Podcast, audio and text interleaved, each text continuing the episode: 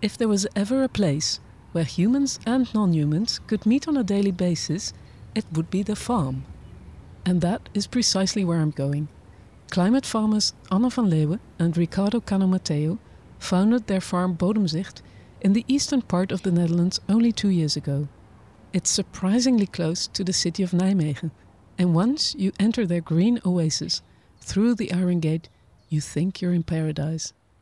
It's June, and life on the farm is extremely busy, harvesting crops, and I'm very glad Anna has been so kind to take the time to talk to me and explain their way of working. Regenerative farming is all about enhancing life. So, uh, what you do as a regenerative farmer is actually to increase the life holding capacity of a place and the quality of life in a place. It's very focused on life and it's very holistic. And in that way, it's also very different from sustainability. The sustainable paradigm uh, tells us the story that what we, that the highest we can strive for as human beings is to become a less negative human being, to become less damaging. Uh, shower five minutes less, uh, use less plastic, uh, use less whatever, spray less poison, uh, plow less deep. Uh, but the regenerative paradigm uh, is actually about maximizing your positive impact as a human being. That's to something totally different. And it gives a completely different perspective because within a, a, sustainability paradigm, the only thing you can do is be less damaging. Well, that's not a motivational story. Uh, not for me, and I think not for many people. Uh, and also, we need to heighten our ambition because uh, there's so much damage already been done that we can actually also be a force that restores ecosystems. And the fantastic thing is that within a Western context, this is still a concept and a practice that for a lot of people is hard to understand. But a lot of indigenous communities have already been knowing this for thousands of years. That yes, you can make a positive impact as a human being. Yes, you can live in a beautiful mutual symbiosis with all these other life forms. Uh, but we are missing and I'm speaking specifically about the Dutch context, like we are missing a spiritual and cultural tradition that actually teaches us and learns us how to enhance life. We don't learn those skills, uh, we don't uh, pass on that knowledge, uh, it's not part of our educational system.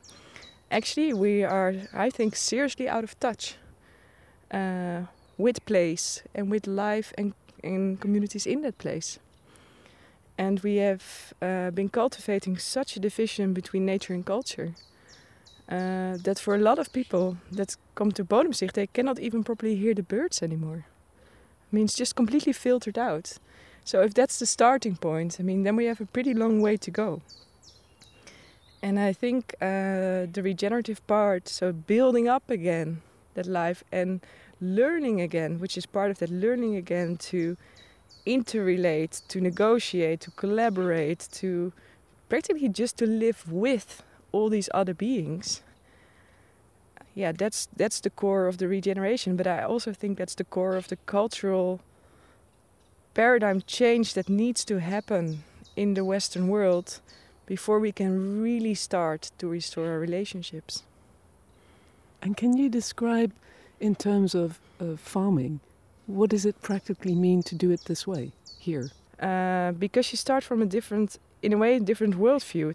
So, in a worldview where, where nature and culture are separate worlds or separate domains, you see what has been cultivated is also that humans are thought to be superior beings or at least exclusive or whatever.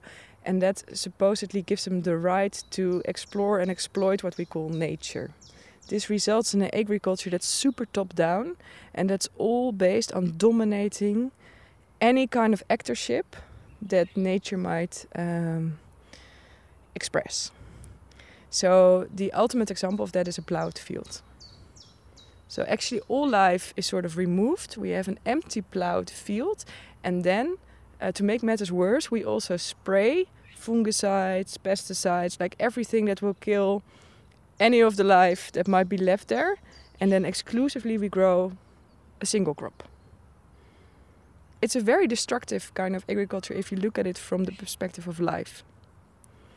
As a regenerative farmer, you try exactly to do it the other way around. So instead of thinking, okay, I have a problem, I need to destroy it, which is why I think we've lost so much life in such a short time. Eh? It's really seriously, we, we lost about 68% of other animal populations since the 1970s. So in one generation, it's absolutely horrendous how fast that goes. So instead of thinking I have a problem, I need to kill something, the idea is I have a problem, what am I missing? So you start to build up life as part of um, creating a dynamic system. Actually, as a farmer, you become not a top down authoritative figure that decides single handedly how it should be, but you become a relation manager that collaborates with all these other beings. And in practice, for example, in the no dig market garden, we have a garden where we don't plow and we don't hoe. We uh, actually touch the surface of our garden as little as possible. And we work in a, in a raised garden of compost and wood chips that we just put on top of the grass. And we also didn't plow before we did that, we just put it on top. And the whole starting point of that garden is that uh, fungi are actually better farmers than human beings. So that's a completely different starting point already. And what we do is like we cultivate the mycelium actually. So the underground network of the fungi, because we stop harassing them with the plow and with the hoe, they can extend and you get this amazing network throughout your garden. Well, plant science and fungal, fungal science has sort of been exploding the last years. I think it's also because there are sort of cracks in our worldview. So we start to ask different questions.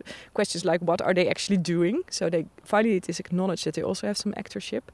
And if you look at what, what fungi are doing, um, they have an extremely interesting interrelationship with plants.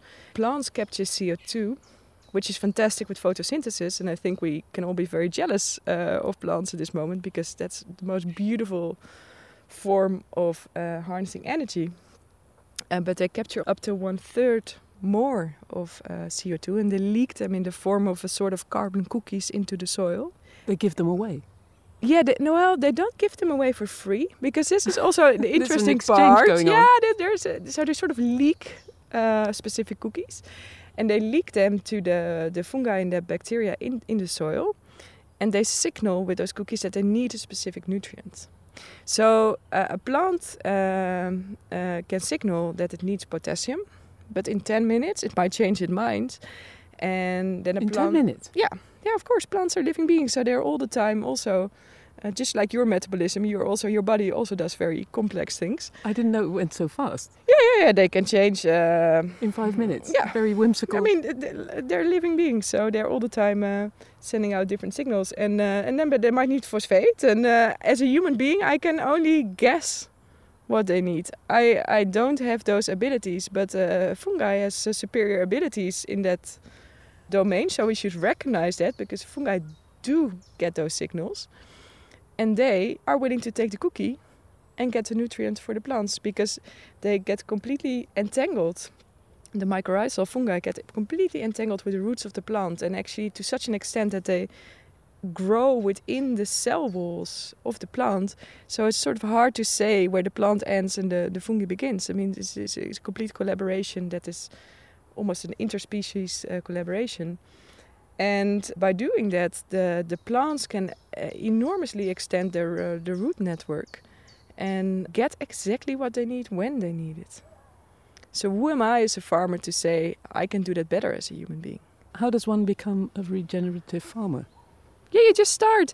I mean, there's so many things, and that's also because we have sort of this knowledge gap and skill gap that we're sort of afraid or perhaps it's not afraid, but I, I, I do experience that a lot of people find it very abstract. Like, yeah, where do you begin? How does it work?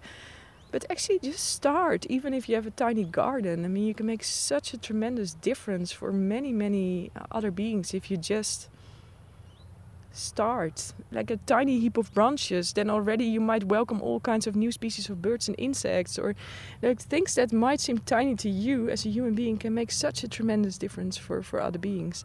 And I think that's also why we uh, sometimes feel very blocked because we're sort of stuck, and it's also a very Western thing in this global worldview. We need the idea that you need to fix the world or to feed the world, and ah, oh, no, let's not do that.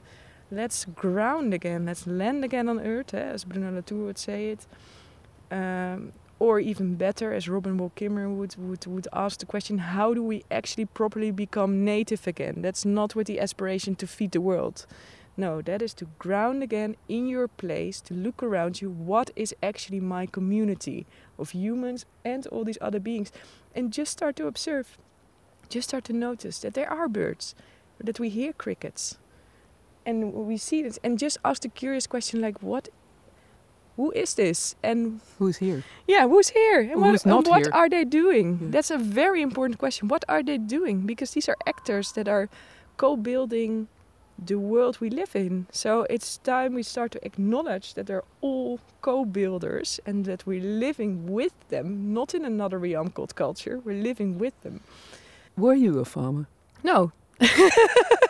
I come from the polder and I grew up with goats and, and chickens and so it's it's not weird to me to to to interact with life. Um, but I was definitely not a farmer. I am an art historian by training. Uh, did a lot of university years in cultural analysis. Um, but I also worked at Artis Royal Zoo. I co-founded the Embassy of the North Sea. Uh, yeah, so I, I did a lot of different things. Uh, but I always felt the, the, the split between nature and culture didn't exist. I saw it was institutionalized, but for me personally, that never was any logic division. It sort of triggered me to start to look into this relationship between humans and nature and also historically how that has grown via Aristotle and Descartes and Christianity, Judeo Christianity, until we are eh, where we are right now. Yeah, so it's deeply ingrained in our uh, culture but I think it's also the source of many of our issues because we don't really embrace our interdependency. Within our heads, this might still be, be an impossibility that we're actually living in the same world. And I think that wall, we need to break that down as fast as possible and start to interact. And then you can just trial and error your way through it. I mean, it's not a problem that you make mistakes and that you need to learn because we all need to learn. And I think this will probably take generations for our culture to really start to inhibit, perhaps even at some point, that we can call ourselves um, indigenous again. But we're so far from that at the moment.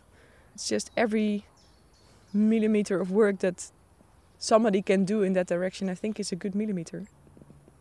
I felt such an urgency with the climate crisis, the social inequality. I saw the millions of climate migrants coming. I see them still coming but I needed to channel that energy. I mean, you can just block yourself gigantically, and that's the last thing that we need. We need to go into gigantic action modus, but also we need to really start thinking what gives us energy and to, to stay really close to our own values because otherwise it's too much to bear.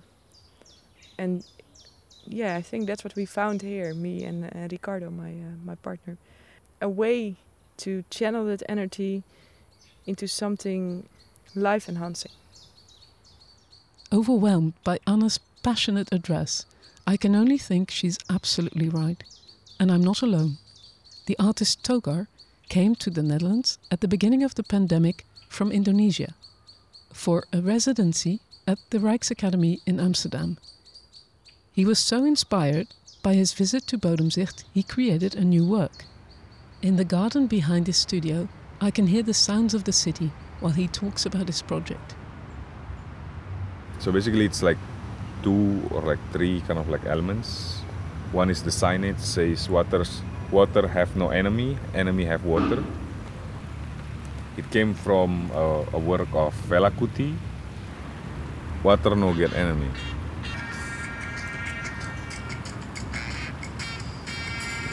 So Fela Kuti is a musician from Nigeria, and he and his band was very active from 50s to the late 80s or early 90s. With with that song, he trying to say is like, what are you gonna do if you want to wash your clothes? You use water. What you're going to drink? You use water. Like, uh, it's very simple, no? Like, uh, but it's very fantastic song and very. It's also bring us to this like social awareness about but the music stops and the lyric stops but this was in the 70s you know like um, imagine water is like music like now water is being commodified heavily by so many different elements in our society, especially the corporate capitalist corporate that bought a spring and then used that access for them to sell the water to people. And I mean, have you ever considered like there's not so many countries in the world that have access to clean water as clean as you can drink it straight from the tap. And in Indonesia, we don't have that access, so we have to buy water for drink, or we boil it. We boil the water so it gets, you know, sterile enough. In this country, we flush the toilet Exactly. with drinking water. Yes, so that's what I'm trying to say. That, um, but also it's very funny because the Netherlands actually under the water. So I think in a lot of sense, this work, this work come from this consciousness of where I am. I think, and trying to also speak to the people from here. Yeah, like you hear people like, yeah, well, uh, Amsterdam water is tastes better than whatever water in the Netherlands or like um, in the Netherlands also they have this technique of after you get the water from rain how to you know release them straight away to the oceans. And there a lot of this consciousness around water actually within here in the Netherlands. Meaning it can also be read the work that I've that I'm doing can also be read like keep your enemy close, something like that, and which I think can be very true if it became you know if it's a if it's a diplomatic things or like managing or like controlling or like organizing. That's the the the kind of like critique that can be taken from that particular work. Um, the other element of the work is like a two different two voice one from aldo and one from anne uh, aldo is an artist. Uh, he is part of weaving realities collective based in amsterdam. And anne is from one part of Bodemzicht Bodemzicht is like a like a i would say ecological anarchist based in nijmegen. I was visiting them in March this year, and I'm so inspired by what Anne shared because basically what she want to share is about the fact that in order for us to be less, yeah, let's say less extractive, we have to be able to be ecologically active. How then to create this kind of like environment where they are actually work together hand in hand like the birds can also thriving the wheat can thrive the fungus can thrive the the water can can thrive uh, the badger can thrive the chicken can thrive the human can thrive. And which i think is very very bold move but also very sincere because if you if we are not doing it from ourselves like we, we cannot really change anything. It hopefully it became like a, a, a wider a more like a widespread movement at least in the netherlands context. And how does an idea like that this engagement with all parties involved how does that feed into your practice as an artist? Yeah i mean i'm very flexible. Like i think my in this position i want to share this and i want to combine like two three different elements of sound in different form of sound also that hopefully people want to listen and can bring us to the questions or like way of questioning. I'm only a resonator. If I resonate to someone and this someone will resonate, the sound travels, no? The sound itself then traveling and traveling and traveling and traveling and traveling. And then maybe if there are more people listen to it then we can have a meeting and then you know bigger conversations. And then it's also like sending a, a song to your friend no? like have you listened to this music? And then i think this music is very cool and i want you to listen to it you know you kind of like create a community with that. From what Bodemzicht is doing? Yeah i mean Bodemzicht is a model that i i mean for them it's not model no? For me it's a model. For them it's their life right now. It's but for me it's a model that i think very relevant and very important to have them happen here in the netherlands. Um, we tend to forget like um, it's easier to look to to see what's not working elsewhere instead of what's not working where we are. Anna works together with the animals to improve and enhance life on the farm. So the chickens are lovely soil builders, uh, the ladies.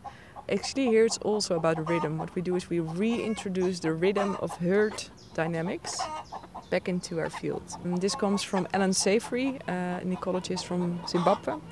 He worked as a, a tracker in the war, in a civil war in Zimbabwe.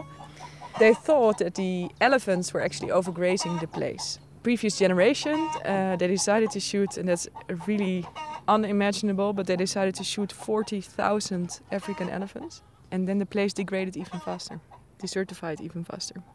So then he realized what a capital mistake he had made. And what he had missed is actually that in a healthy ecosystem, a herd stands packed because you have top predators. So packed means standing very densely close together. It's like in a, every like a defense system. Like a defense system. Yes, in, in every so-called nature documentary, uh, you see that if if one animal is out of the herd, that is usually the animal that is being eaten. Yeah, that it doesn't yeah, the have group the defense. protects you. The group protects you. So in every healthy ecosystem, you have predators. Here it will be wolves. In Africa, it could be lions. Well, every context is different, but the herd stands packed. Because they stand so close together, they are all eating, pooing, disturbing with their hooves or with their claws or whatever in that place. So it's like a slight apocalypse in one place, very intense. And then the herd, driven by the predators, but also by their own need to uh, find fresh food and to sustain themselves as a herd, they make a huge migratory round. And they only return to the same place if there's something to eat again, because otherwise the whole herd would uh, die out. It's very logic in a way. So we move our chicken mobiles around, and they only return to start when it looks at that point better than it did look before, because then I know that I'm building up. And better means taller grasses, deeper roots, thicker blades, less bare soil. And how do you keep the chickens in place? With a little netting around. Yeah, now the safety is in the herd, and uh, chickens also learn that. That's it. No electricity, no nothing. We just have a little netting, and we move them around. And a few chickens. Two forty nine. Yeah. Instead of elephants. Instead of elephants, but in basically they are our bisons or our whatever you would like to call it. Basically, it's the same thing. So the question is really how is something farmed, and that's the thing we need to start to understand. It's not simplistic. It's not this is good, that is bad. It depends on the context. And that's what we do with our chickens. So we, we build soil by just moving them around like a herd.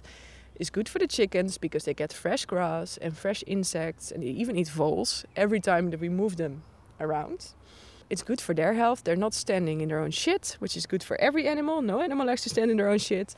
And it's good for the grasses, they can fully express themselves. That's good for insect life, it's good for the soil that starts building up. We start to accumulate organic matter and carbon. So, this is the kind of cycles you're looking for. And actually, in practice, is not so difficult with just moving chicken mobiles, but it makes a tremendous impact.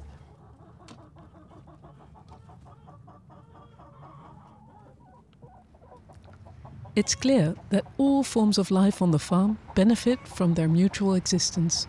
What is it that motivates Togar? I want to contribute back, I think. I think what keeps me moving is that that that feeling when you know like a thank you gesture also like to thanks people before me or like you know someone that I feel like inspiring. Why do you think that's important? It's how we should think about our life that we are not only for ourselves and giving back is also a way for us to to respect ourselves. Because you can only give when you have no? And for you to have you take but when you take you have to understand what you take can finish. And will you stop taking when it's finished finished? And until what point taking become not good for us? I think we are already in that point now like massive rapid destructions everywhere. And there's no way stopping it unless we t- change our way of thinking around it.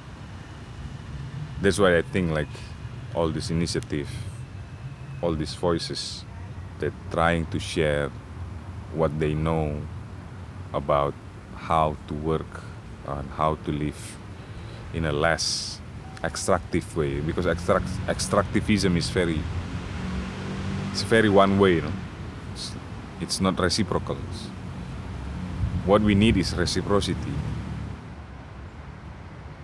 We are not here for ourselves, and we can make a big difference with very small actions. That's a hopeful thought that can inspire anything you plan to do tomorrow and the day after. Just observe and pay attention how your life touches the life of so many other beings. In the next episode, I will dive into the North Sea with marine researcher Fiona Middleton and socio environmental researcher Darko Lagunas. If you like to visit the exhibition Have We Met Humans and Non Humans on Common Ground, you can go to Milan till the 11th of December this year. For more information on both exhibition and ZOOPS, please visit the website of Het Nieuwe Instituut, Triennale 2022.hetnieuweinstituut.nl or zoop.hetnieuweinstituut.nl. And it's ZOOP, Z-O-O-P.